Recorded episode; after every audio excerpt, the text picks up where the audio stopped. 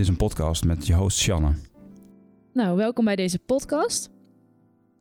Uh, ik had Pluk uitgenodigd omdat ik met mijn lichamelijke beperking toch al tegen een paar dingen in mijn studie aanloop.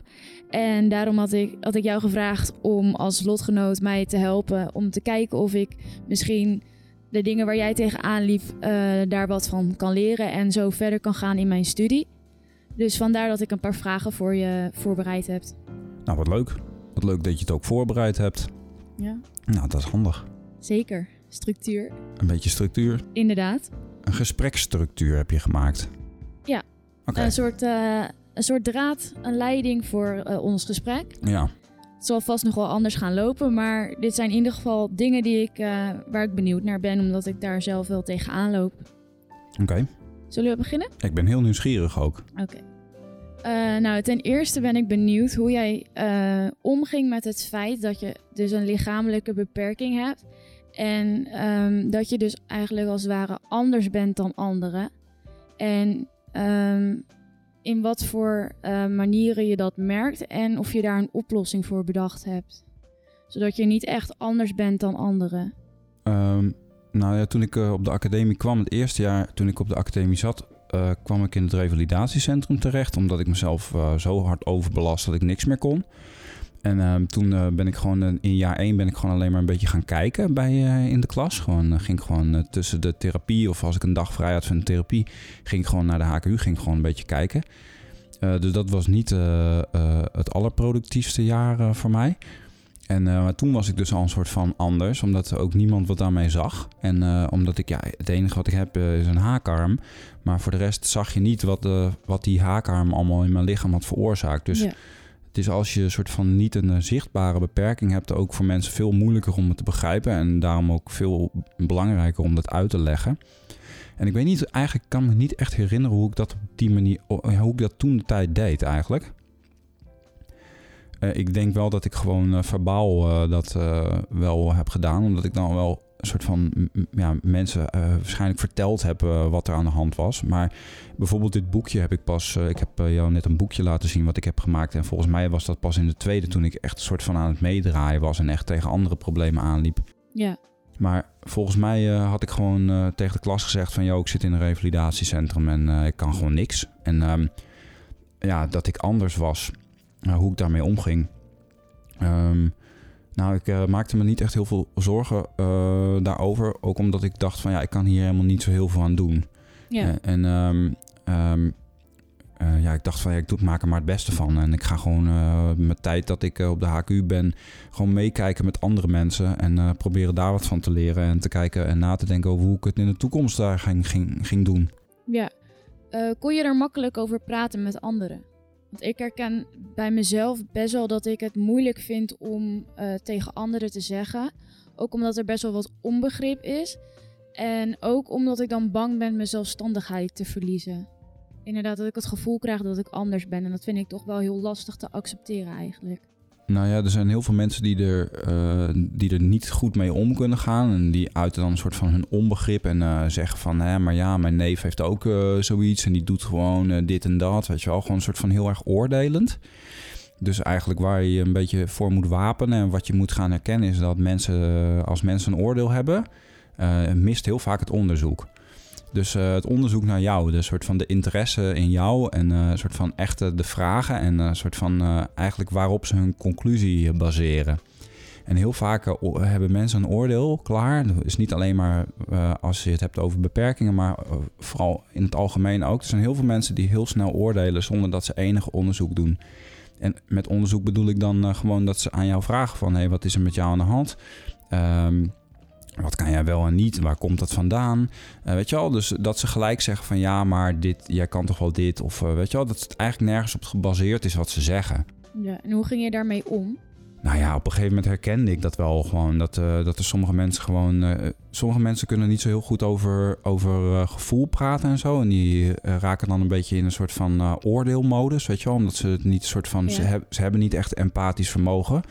Dus uh, dat hebben ze misschien uh, nooit meegekregen vanuit een opvoeding. Of, of zijn gewoon heel gesloten en weten eigenlijk niet hoe ze met jou moeten omgaan. en, en, is dit, en voor sommige mensen die ik tegenkwam in mijn leven, was het eigenlijk voor, was het de eerste keer in hun leven dat zij soort van hun, hun empathisch vermogen op de proef gesteld werd. Weet je wel? Omdat ze moesten vragen van yo dude, wat is er met jou aan de hand? En uh, uh, ja, hoe komt dat? En uh, wat, wat, wat heb je allemaal daarvoor klachten van? Ja. Dus dat moet je gaan herkennen. En eigenlijk moet je daar ook niet boos om worden als je mensen tegenkomt die, die oordelen. Want het zijn eigenlijk gewoon een beetje stumperts. Want ze, ze, ze hebben gewoon dat empathisch vermogen niet. En dat kan heel lullig overkomen voor, voor jou. Maar uh, je moet maar gewoon uh, die mensen met een korreltje zout nemen gewoon. Want ja. Uh, ja, er zijn heel veel mensen die dat wel hebben. Snap je? Dus die vragen wel... Ja, die het wel accepteren. Ja, maar die het accepteren omdat ze nou, ja, geïnteresseerd in jou zijn. En, daar, daar, en, en, en, en die hebben al ooit zoiets meegemaakt met een broer of een vader of een oom of wat dan ook. En hebben dus het vermogen om, om zich in te leven in jouw situatie. En, en uit daar, aan de hand daarvan een soort van uh, oordeel te, te vellen van... hé, hey, het is hartstikke uh, kloten wat zij heeft en uh, ik help jou en ik ga jou, weet je wel, zo. Ja. Dus dat merk je wel vaak. Dus dat verschil tussen die mensen is, heel, is iets wat je gewoon heel erg moet gaan, gaan, gaan een neusje voor moet krijgen gewoon. Ja, en als je dan ergens in een situatie nieuw was, dus je leerde nieuwe mensen kennen... Um, uh, vertelde je dan ook gelijk over je beperking of liet je dat een beetje afhangen van het moment? Dus was je daar heel open over gelijk, dat mensen het gelijk wisten en wat ze aan je hadden? Of um, liet je het een beetje uh, kijken wat er gebeurde en uh, dan op het moment daarop inspelen? Um, ja, dat denk ik per situatie was het een beetje verschillend. Als ik bijvoorbeeld als mensen wat van mij moesten hebben of ik moest echt iets doen of zo, dan, dan, dan ben ik wel echt gewoon degene die gewoon gelijk zegt van hé, hey, ik heb dit en uh, ik kan uh, niks en ik heb geen kracht in mijn armen. En uh, dus, dus dat, dat, dat is wel iets wat ik, wat ik wel herken. dus dat ik, ik ben wel een soort van mondig. Dus ik zeg wel gewoon heel snel van... yo, dit is er aan de hand. En um, um, um, uh, dit kan ik niet en dit kan ik wel. Ook omdat ik gewoon dan voor mezelf een soort van kon uh, uh, opkomen. Want dat is ook heel belangrijk, dat je soort van voor jezelf kan opkomen. Ja. Heb je momenten nu nog steeds dat je dat hebt? Dat je niet alleen op de academie, maar ook daarbuiten, bijvoorbeeld nu met werk, nieuwe situaties, dat je dat nog steeds doet? Um, of is het nu zo van nature geworden van jou dat, dat je er eigenlijk veel minder energie in steekt dan toen op de academie? Nou, ik heb eigenlijk gewoon uh, mijn, uh, mijn soort van uh, omgeving en mijn werk heb ik eigenlijk zo veranderd dat ik er, dat ik er niet meer mee in aanraking kom. Um, dus ik bijvoorbeeld, ik, ben, ik werk niet als video-editor en ik heb geen deadlines om een video te editen. Ik edit wel video's, maar dat doe ik voor mezelf. Dus ik weet precies hoe snel ik dat kan en uh, hoeveel, uh, ja, hoe belastbaar ik ben. Dus ik heb eigenlijk mijn, mijn, mijn, mijn omgeving en mijn, mijn werk en zo, zo aangepast aan die beperking, dat ik die beperking niet meer tegenkwam. Ja, want hoe vond je die oplossingen uh, voor bepaalde handelingen die lichamelijk niet meer gingen? Ook op de academie? Nou, alleen maar door te experimenteren. Want ik kwam op de academie en toen had ik dus nog heel erg een soort van um, voorkeur voor uh, digitale dingen en uh, hele digitale stijl. En uh, ik had allemaal boeken met allemaal van die Illustrator kunst erin en zo. En, ik, ik, ik kon dat ook gewoon. Ik, ik heb op het mbo daar gezeten en ik was vaardig in die programma's. En dat was gewoon helemaal het soort van het hoekje waar ik in zat. Met mooie verloopjes en allemaal Illustrator tekeningen. En als je nou om je heen kijkt, dan snap je eh, dat ik wel een hele soort van, ook in smaak, een hele soort van ja, ontwikkeling of transitie heb moeten ondergaan. Omdat ik gewoon niet kon maken wat ik, wat ik toen de tijd vet vond om te maken. Um, dus uh, ja, dat, dat, dat was wel een hele zoektocht van ja, hoe, hoe moet ik dat doen, weet je wel. En ja, dat, dat is een heel, een heel lang verhaal hoe dat eigenlijk, maar eigenlijk alleen maar door experimenten te doen. En ook ja, mijn referentiekader op het gebied van stijlen die ik soort van fysiek wel kon doen, eh, te vergroten en me te interesseren voor eh, ja, andere type ontwerpers en zo. En zo is langzamerhand mijn, mijn smaak ook zelf gewoon helemaal veranderd. En vond ik eigenlijk die Illustrator dingen helemaal niet meer interessant. Dus eh, ja, door heel veel experimenten te doen. En eh, ik heb heel veel voorbeelden van projectjes die ik heb gedaan. eh, en eigenlijk waren elke projectjes een poging om bijvoorbeeld beter om te gaan met die beperking. En ik werd er steeds handiger in. En heel veel dingen. Eh, eh, daarom, dat is eigenlijk ook de reden dat ik zo analytisch ben gaan kijken naar mijn, naar mijn eigen proces. Omdat ik heel vaak, als ik zo'n boekje had gemaakt en ik had een deadline, kreeg ik dat niet af. Ja. Omdat ik mezelf, ik kon niet inschatten hoe lang iets duurde. En ik, eh, en ik deed heel vaak dingen, te veel dingen. Of ik, of ik de uitwerkingsmethode was zo gecompliceerd dat ik daardoor een enorme last van mijn arm krijg en één ding van de hele beoordeling af kon maken en de rest niet af had. Ja, dat herken ik ook best wel. Dat ik ehm, nu inderdaad dingen in mijn hoofd heb, maar eigenlijk dat qua deadline niet red. Ja, precies. Eh, was het voor jou frustrerend dat je dan dingen moest veranderen? Dus dat je iets in je hoofd hebt, maar dat het uiteindelijk niet zo kan uitpakken zoals je wilt? Ja, eh, toen, ja, op dat moment eh, was het altijd, wel frustrerend. Maar ik dacht ook van ja, ik kan daar een soort van helemaal niks aan doen. Dus het is echt een soort van waste of energy om daar een soort van heel boos om te worden. En ik heb eigenlijk nooit met mijn beperkingen proberen in een soort van, eh, in een soort van eh, sombere eh, denkpatronen te komen. waarin ik altijd ja, alles afkeur wat ik maak. En dat ik helemaal niet. eh, eh, eh, positief ben, ook bijvoorbeeld over de eindresultaten. En dat ik soort van heel erg alles een beetje met een korreltje zout moest nemen. En ook bijvoorbeeld met teleurstellingen moest omgaan. En eh, dat het eigenlijk steeds beter is eh, eh, geworden hoe ik daarmee om kon gaan. Maar soms vond ik het wel jammer dat ik bepaalde dingen niet af kon maken. Omdat ik het dan half af had. En dan had ik helemaal een idee hoe ik dat dan af ging maken. Maar dat, dat is nooit afgekomen gewoon. Dus dan liet je half werk zien of had jij dan uiteindelijk voor de beoordeling je idee aangepast? Nee, dan liet ik gewoon half werk zien. Dan zei ik gewoon, ja, dit eh, heb ik onderzocht en dit eh, is mijn idee en dit is mijn concept. En ik heb één pagina van het boekje heb ik gemaakt. Maar ik eh, heb zo'n last van mijn arm dat ik niet de rest heb kunnen maken. En dan zeiden ze altijd van, nou ja, dat, dat snappen we wel. En dan kreeg ik een matig voldoendetje. En dan mocht ik soort van wel door. Of, en werd ik er niet. Ja, of ik moest het later bijvoorbeeld nog afmaken of zo. Dus ook wel eens gebeurd dat ik dan in de vakantie nog moest afmaken of zoiets. Maar meestal als zij een soort van idee hadden van... Ja, zijn plan is gewoon goed en hij laat gewoon zien hoe hij het gaat doen. Dan, eh, ehm, ja, dan, eh, dan klopt. Dan, dan konden zij wel inzien van ja, dit gaat wel goed komen. Het heeft voor deze man helemaal geen enkele zin om eh, dit af te maken. Dus op die manier vond jij dan de oplossing om toch de beoordelingsweek of andere opdrachten goed af te krijgen? Ja, precies. Dat ik gewoon alles gewoon, dat ik gewoon zorgde dat ik wel gewoon van alles iets had gewoon. Ja, Maar vooral dat ik elke keer weer op mijn bek ging met die uitwerkingsmethodes. En altijd eh, te veel werk eh, in dingen stopte. En ach- achteraf altijd dacht van, oh, dat is zo dom dat ik dit zo heb gedaan. Maar dat kwam ook omdat ik heel perfectionistisch was. En ik had dan een bepaald eh, beeld in mijn hoofd van hoe iets eruit moest zien. En uiteindelijk was het dan veel te veel computerwerk. En het was gewoon veel te... Maakte gewoon hele slechte inschattingen op dat gebied. Ja. En die worden steeds beter. En hoe geef je dan nu en ook op de academie je grenzen aan? Want ja, je moet af en toe wel op de rem trappen om aan jezelf lichamelijk te denken, want anders krijg je daar gewoon klachten van. Ja. Hoe ben je dan in zo'n beoordelingsweek daar ook mee omgegaan? Nou, planning is heel belangrijk. Ja, Dus dat je, dat, je, dat je sowieso een soort van... Als je steeds meer inzicht krijgt in wat je fysiek kan doen... dat je echt een soort van hele overdreven planning maakt... en ook al heel goed vooruit denkt van wat voor fysieke taken er op je af gaan, ko- gaan komen... en die soort van verdeeld over misschien drie weken voor de beoordeling... al gaat kijken eh, ja, hoe, die dingen, hoe je die dingen in je agenda gaat stoppen. ja. En wat voor dingen eh, daar al. Want ik, ik, ik maakte de, de enige manier hoe je dat kan leren is door elke keer eh, enorme fouten te maken. Want eh, ik, eh, op een gegeven moment dan kwam, je erachter, kwam ik erachter dat ik dat gewoon moest doen. Omdat ik dan één dag een boekje afgemaakt had. En dan moest de volgende dag moest iets anders afgemaakt worden. En dan ging ik helemaal stuk. Ja. ja, dat had ik bij deze beoordelingsweek ook wel. Dat ik uiteindelijk toch langer doorgewerkt heb dan dat ik zelf wilde. En ik was uiteindelijk wel tevreden met het resultaat.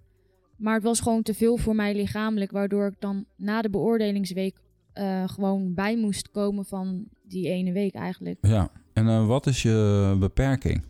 Eh, ik ben zes weken te vroeg geboren. En ik heb bij de geboorte een hersenbeschadiging opgelopen. Waardoor mijn ja, ik een uh, hersenbeschadiging heb dus, en mijn rechterkant uh, minder goed functioneert. En dat uitzicht voornamelijk in het lopen. Oké. Maar het is eigenlijk mijn hele rechterkant, dus mijn arm doet het bijvoorbeeld ook minder goed. Maar dat valt minder op dan lopen. Uh, mijn spieren zijn spastisch, dus daar staat gewoon continu heel veel spanning op. Mhm. Waardoor mijn uh, voet ook voornamelijk uh, naar binnen wil trekken. Dus een soort spitsvoet eigenlijk. Oké. En ben je links? Ja. Oké, Ja, en ben je links geworden? Ehm, de artsen zeggen dat door de beperking ik eigenlijk alles eh, links heb geleerd. Oh, maar dat het eigenlijk van nature wel rechts was geweest. Oké. En eh, ben je, eh, doe je dan, eh, eh, heb je dan ook een overbelasting in je linkerarm? Eh, soms, maar het is voornamelijk echt met lopen dat links ehm, snel overbelast raakt. Dus ook mijn heupen, dat echt stijf wordt. Mijn rug, eh, mijn knieën, dat eigenlijk. Dus ja, het is ook wel mijn arm, maar het is wel echt voornamelijk het met lopen. Maar ik merk het aan mijn hele lichaam, omdat zodra ik me in moet spannen, staat er dus heel veel spanning op die spieren. En dan eh, krijg ik ook snel spierpijn en Mhm. dat soort dingen. Oké. Eh, en ehm, dus als je verder wil gaan met de academie, dan, dan eh, heb je al wel bedacht dat je niet achter de computer moet belanden. Ehm, het ligt er een beetje aan eigenlijk.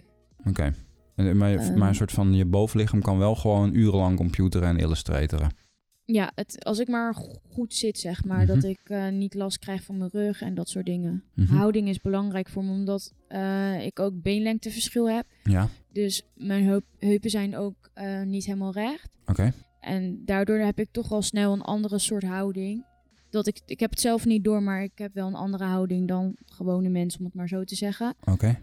En vandaar dat ik dus wel snel ergens last van krijg als ik op een verkeerde stoel zit of op de grond zit bijvoorbeeld. Ja, daar wou ik het even over hebben. Want wil je even van stoel ruilen? Ik heb namelijk een soort trippelstoel.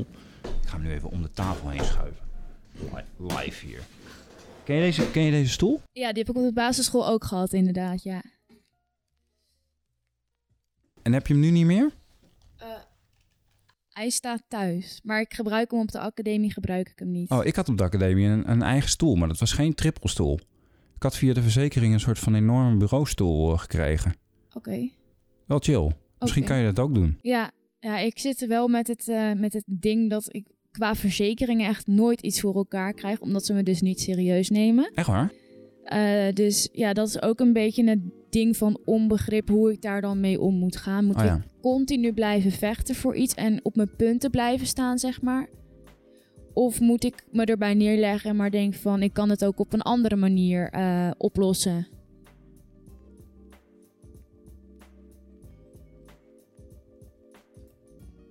Sorry, ik werd hier even gebeld. Ehm, Oké. Ehm, nou, dames en heren. Wij gaan even van stoel ruilen. Geniet u ondertussen even van een lekker muziekje.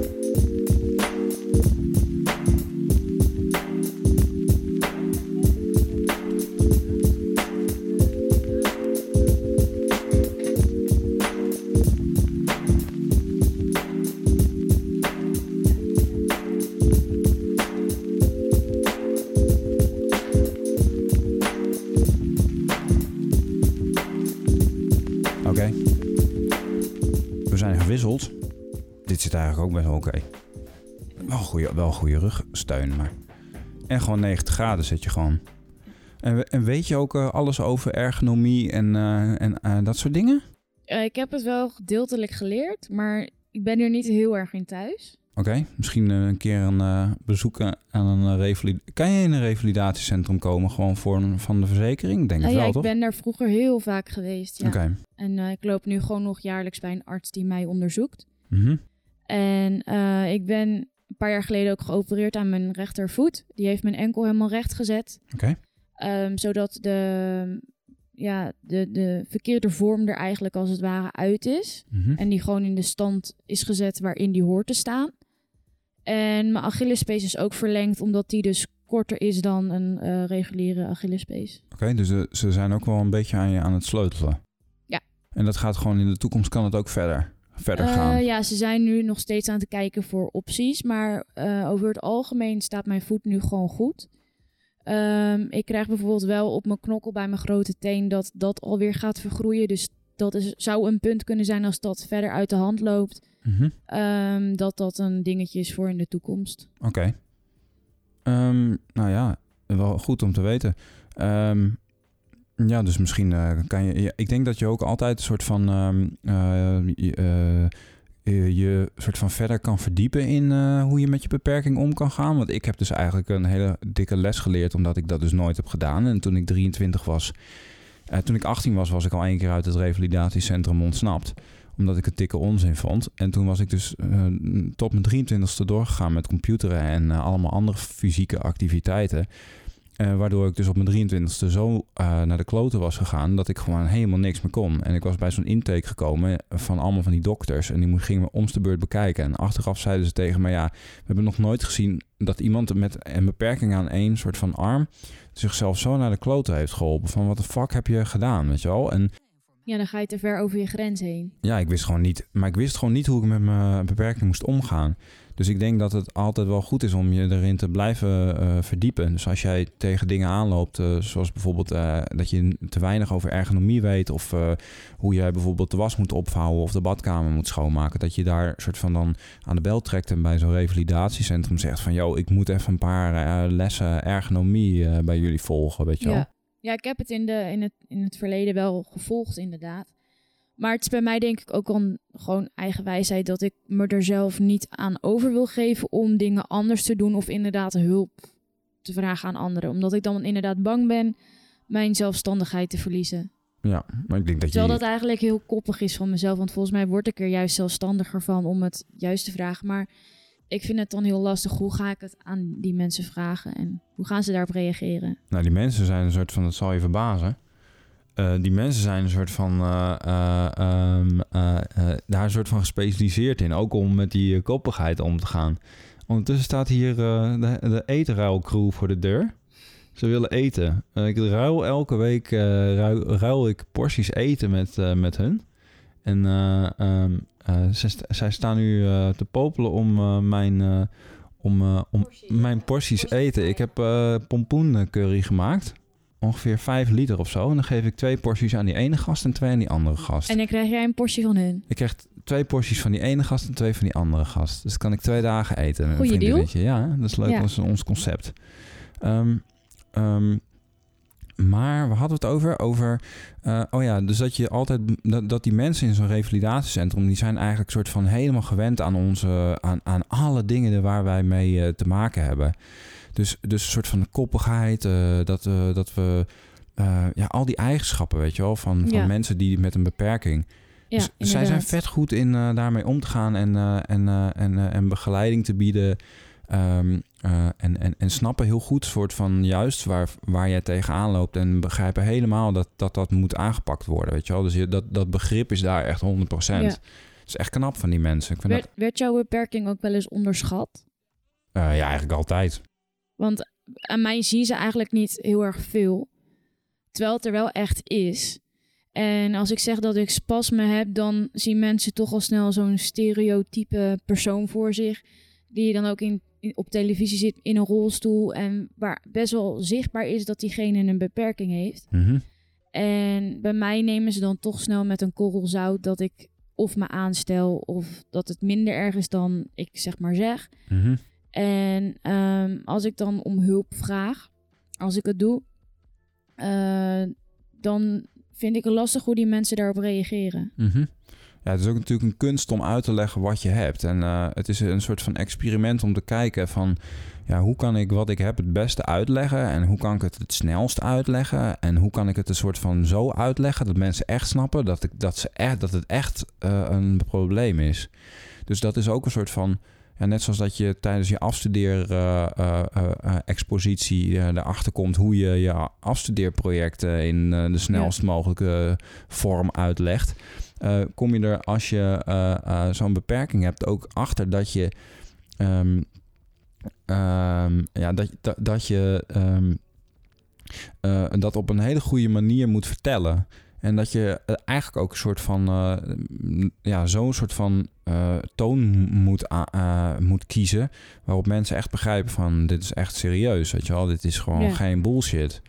En ja, dat je, weet ik veel, ik, eh, ik heb dat ook, eh, dat is ook heel erg bij mij, heel erg, hoe, hoe ik dat vertel, ook heel erg veranderd hoor, in de tijd.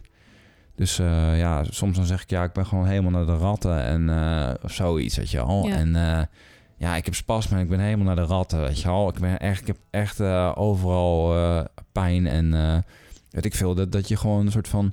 eh, maar ook een beetje dat je er misschien een beetje... Dat je het serieus houdt, maar dat het wel een beetje... Ook wel een beetje misschien een Met beetje... een knipoog. Ja, met de knipoog. Ja. Een beetje humor of zo is.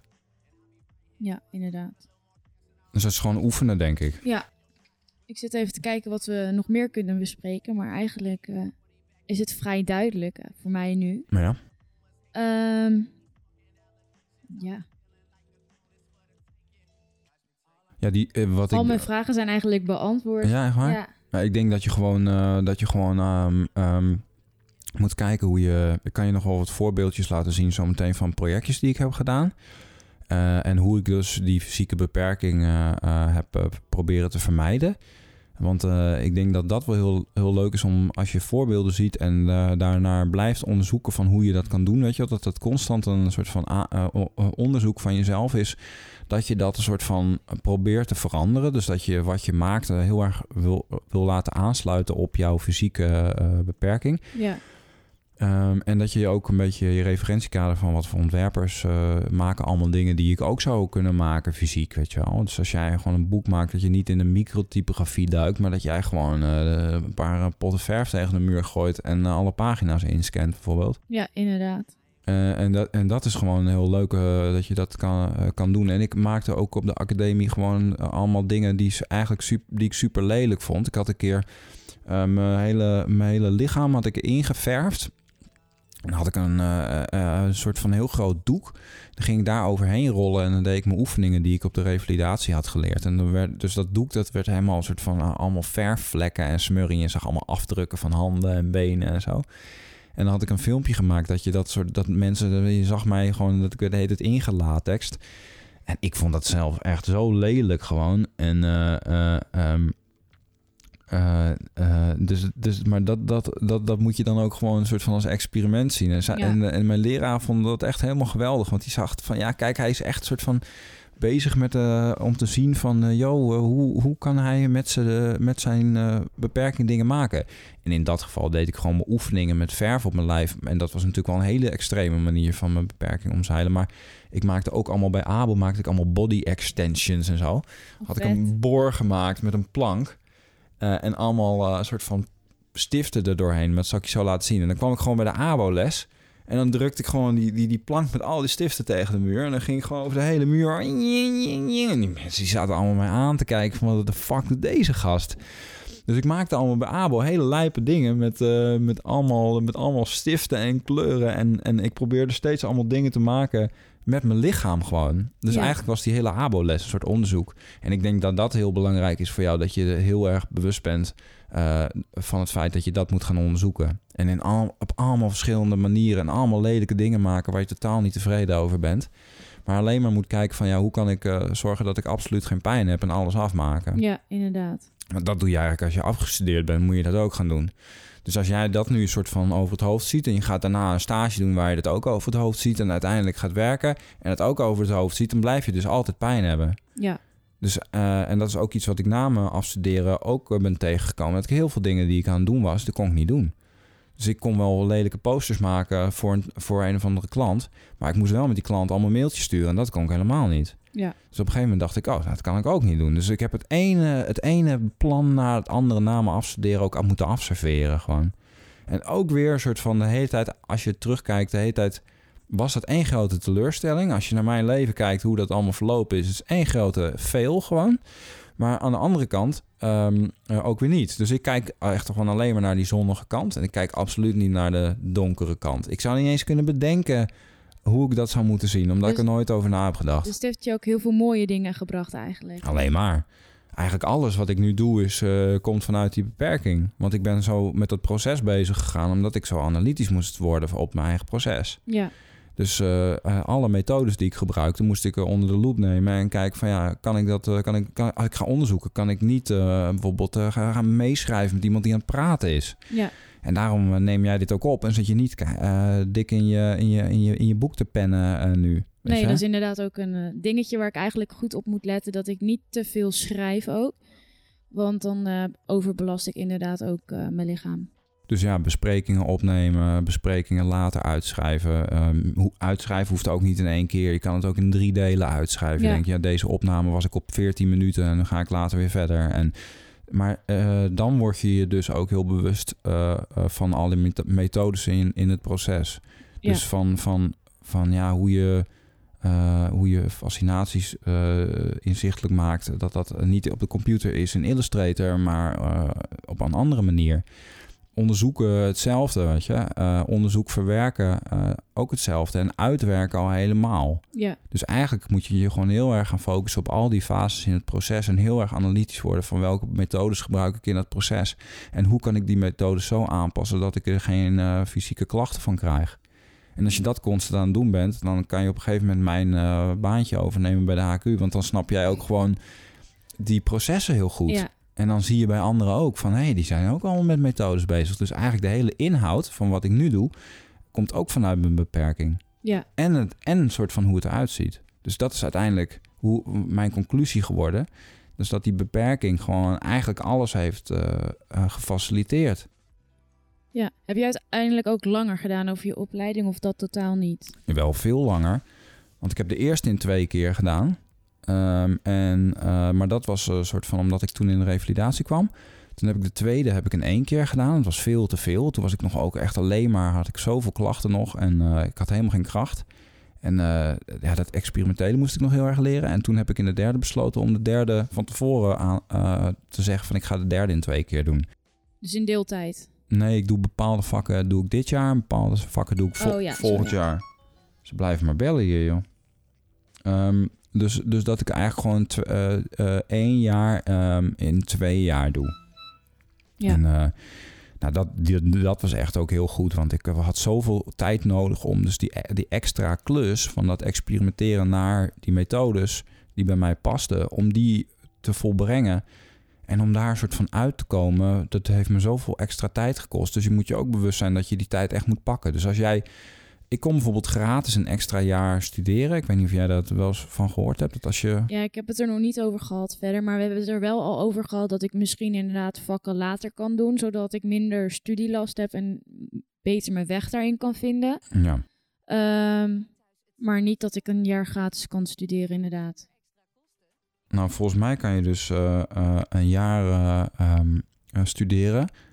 waarbij je dan een soort van de uh, het schoolgeld of zoiets? Dat, je, dat ze dat vergoeden of zo? UWV of ik weet niet meer wie dat ja, doet. Ja, dus wel een goede om uh, ja. naar te gaan kijken inderdaad. Want ik merk wel um, dat de werkdruk voor mij best wel hoog ligt, ook lichamelijk. En dat ik dan af en toe echt wel een dag rust nodig heb, dus dat ik thuis ben. Ja. Want het reizen kost mij bijvoorbeeld ook veel, veel energie. Uh, het lopen naar de trein ja, en, dat en dan overstappen en toch weer snel uh, er naartoe. Dus daar ben ik eigenlijk soms al moe van voordat ik echt op school ben. Ja. En dan is het voor mij gewoon fijner om af en toe een dag thuis te blijven en dan thuis te werken. Maar um, ja, ik merk wel dat ik daar soms wel niet bepaald een achterstand van krijg, maar je krijgt toch minder mee dan als je op school bent. Ja. Dus we hadden het daar inderdaad al wel over gehad, omdat ik daar, dat ik daar dan misschien langer over kan doen. Nou, ik, ik, zou het uh, uitzoeken. En wat ik bij de revalidatie had, is dat, dat ik een maatschappelijk werker had. Dus jij kan je ook eigenlijk gewoon, zou je eens moeten kijken van, bel je gewoon eens het revalidatiecentrum op. Zeg je van, hé, hey, ik heb een beperking. zou ik ook bij een of ander team, want ze hebben daar allemaal teams die, die weer zich met andere beperkingen bezighouden kan ik ook mezelf daar een soort van aanmelden en kan ik uh, um, bijvoorbeeld uh, gebruik maken van de ergotherapeut, kan ik gebruik maken van de uh, maatschappelijk werker omdat ik hoefde die dingen allemaal niet zelf uit te zoeken. Die stoel, al die dingen die ik op school kreeg, is allemaal, allemaal door die maatschappelijk werker geregeld. En ik kan, nu nog ik kan nu nog steeds, ik ben nog steeds een soort van een member van hun eh, soort van uh, bielenclubje eigenlijk. dat ik nog steeds een soort van kan zeggen: hey, ik heb hulp nodig, weet je wel. En dan gaan ze me nog steeds helpen. Dus ik blijf gewoon een soort van onder hun hoede. En jij bent gewoon eigenlijk nergens onder. Niemand heeft jou onder zijn hoede, weet je. Ja. Dus eigenlijk zou je daar moeten zoeken dat jij bijvoorbeeld voor vragen over wat dan ook, ook praktische dingen, dat jij bij zo'n team aan kan kloppen van, van de Hoogstraat hier in Utrecht. En uh, dat je eens gaat onderzoeken of uh, dat überhaupt mogelijk is met jouw beperking. Maar ik denk het wel. Ja, ja dat is wel een goede om uh, naar zoek te gaan. Had jij bijvoorbeeld ook dat je een dag thuis bleef? Als je echt dacht van dit gaat niet lukken? Of ging je wel gewoon altijd naar school? Um, nou, ik had wel heel veel dagen dat ik gewoon bijvoorbeeld zoveel last van mijn arm had dat ik niks kon doen. Maar ik ging meestal wel naar school. En dan ging ik gewoon met mijn anderen meekijken en gewoon uh, over nadenken. Want je kan ook je natuurlijk compleet afsluiten en Netflix aanzetten. Dat was er vroeger nog niet. Maar, uh, maar ik denk dat het gewoon altijd goed is om uh, met die missie bezig te zijn. En dat is eigenlijk dat je die beperking wil overwinnen. Ja. dus dat je dat beter, dan beter naar school kan gaan. maar jij hebt natuurlijk het probleem met lopen en zo. Dus dat is voor jou wat lastiger. Maar dat je, dat je zoveel mogelijk tijd eraan uh, besteedt om uh, een soort van, van die beperking te winnen. Gewoon. Want dat is eigenlijk je soort van doel. Ja. Uh, jouw doel is dat uh, die beperking jouw soort van jouw kracht wordt. En uh, dat was een soort van wat zij mij vertelde. Van jouw beperking moet je kracht worden, Pluk. En dacht ik echt van, waar heb je het over, joh? Dat is toch fucking irritant? Ja, Hoe kan dit nou mijn kracht worden? Maar als ik nu soort van nadenk over dat ik, wat ik soort van visueel maak en wat ik inhoudelijk doe, dat komt allemaal vanuit die beperking. Dus uiteindelijk heb ik een soort van die missie, heb ik die volbracht naar mijn idee. maar dat is, dat is niet makkelijk. Dus uh, uh, je moet een soort van. Ik, maar ik merk dat alle mensen met een beperking zijn die iets willen, bijvoorbeeld. Want je kan niet opgeven. Nee. Er is geen mogelijkheid dat jij kan opgeven. Nee, ik heb bijvoorbeeld ook heel erg bewijsdrang dat ik wel echt wil bewijzen dat ik het kan. Ja. En dat dat dus ook wel het doorzettingsvermogen is voor iets wat ik wil. Zeker. Maar dat zit er wel in, weet je. En de, gelukkig zit dat erin. En, en moet je soort van kijken uh, of je alles een soort van van de zonnige kant kan laten. Uh, laten. Ook al kom je 10.000 in de min. Als jij gewoon je best doet, weet je wel. Ja. De, de, je nergens druk over maken. Dus alles soort van van de zonnige kant bekijken. En alles wat er misgaat, denk van ja, kan ik niks aan doen. En ja, dan maar een dagje thuis blijven. En dan ga ik wel op internet allemaal leuke filmpjes kijken om inspiratie op te doen. Of gewoon dat je soort van niet in die soort van uh, in, in de depressieve dat je nooit een soort van in de depressieve modus raakt, want dan ga je het soort van niet winnen. Want op dat moment wint eigenlijk een soort van die beperking, want ik zeg altijd die arm die wil mij een soort van soort van klein krijgen, weet je wel? Die die wil mij een soort van uh, mijn leven van me afnemen. En ik vecht toch een soort van tegen hem. Ja. Dus ik, maar ik win het van hem. En hij staat nu een soort van zo dik achter, jongen. Het is echt zo leuk. Dus als ik dan kijk ik naar hem en dan lach ik hem gewoon uit zeg ik gewoon van ja, jij gaat niet winnen, vriend. Ja. Echt. Het is echt uh, onmogelijk om van mijn doorzettingsvermogen te winnen. Dus uh, ja, dat is gewoon, uh, dat zijn gewoon dingen, die soort van doelen die je jezelf moet stellen. En elke keer als je weer een tegenslag tegenkomt, dan denk je van, nou, die beperking gaat gewoon echt niet winnen. Weet je, jij gaat gewoon uiteindelijk werken waar, of ja, dingen doen waarbij je die beperking totaal niet tegen gaat komen. En dat is gewoon heel, dat dat is denk ik wel een leuk einddoel. En dan heb je een soort van extra missie in je leven. Ja. Dus het is, eigenlijk is het heel erg leuk, want je hebt gewoon echt uh, een soort van een, ja, een extra missie. Dus uh, het leven uh, lijkt me als soort van normaal persoon echt best wel makkelijk. Want dan was ik gewoon video-editor geworden. Ja. Had ik alles kunnen doen. Ja. Dus echt alles kunnen doen. Maar dan had ik waarschijnlijk geestelijk een of andere beperking gehad. Iedereen heeft een soort ja, beperking. Iedereen heeft zoiets wat minder is, inderdaad. Daarom, dus het, het, is voor iedereen heeft een missie om zijn, om zijn beperking van wat het ook is te overwinnen. Maar bij ons is dat gewoon een soort van echt onvermijdbaar gewoon. Dus we moeten een soort van uh, zulke harde vechters worden om iets te kunnen doen in dit leven, weet je. Ja. En ik ben er gewoon van overtuigd dat dat gaat lukken. En zonder dat ik uh, zo vastberaden ben, uh, ja, daar heb ik gewoon helemaal niks aan, weet je, als ik dat niet zou zijn. Dus, uh, dus ook, ook die motivatie en die mentaliteit moet je gewoon constant uh, mee bezig zijn. En uh, voorbeelden vinden van mensen die toch kutter voor elkaar hebben dan dat wij dat hebben. En gewoon denken van ja, dat valt wel mee eigenlijk, die missie die wij hebben, weet je wel. Want ja, nou, ik maak het altijd, ik relativeer altijd alles gewoon. Denk van ja, als je nou in een vluchtelingenkamp in Syrië zit en je hebt allemaal goede ideeën, dan kan je er ook geen flikker mee. Dus eh, Ja. ja, weet je, zo, zo extreem relativeren gewoon. Dat vind ik altijd mooi gewoon om te doen. ja, ik denk dat het ook wel makkelijk is om heel negatief te denken. Dat soms ook echt wel als een beperking ziet. Mhm. Eh, ja, dat je het als een beperking ziet. Maar je kunt er natuurlijk ook heel veel mooie dingen uithalen. Ja, Het kost alleen soms wat meer energie. ja zeker. Dus ja, ik vind het wel fijn dat ik er met jou over kunnen praten. Want het geeft mij wel nieuwe inzichten voor hoe ik het. Ja, het kost natuurlijk nog steeds energie, maar ik kan het mezelf daardoor wel makkelijker maken. Doordat we nu eh, ja, ervaring hebben uitgewisseld. Ja, zeker. Nee, maar als je in de toekomst nog eh, vragen hebt, kan je dat altijd eh, stellen. Dus ik had helemaal, ik had ook, volgens mij heb ik nooit iemand eh, erover over geïnterviewd of zo. Of ja, dat weet ik eigenlijk niet meer. Misschien wel hoor. Maar ehm, nou, het is in ieder geval heel goed dat je daar eh, Ja. op, op, op die manier mee bezig bent. Dus ik zou zeggen, ga ze door. En als je een keer een, eh, een, eh, soort van concrete vraag hebt, dan ja, mag je altijd even een voice clipje sturen. Want typen, dat doe jij natuurlijk niet. Nee, alles gaat nu Alles via audio. Precies, ja. Alles, alles via audio. Ja.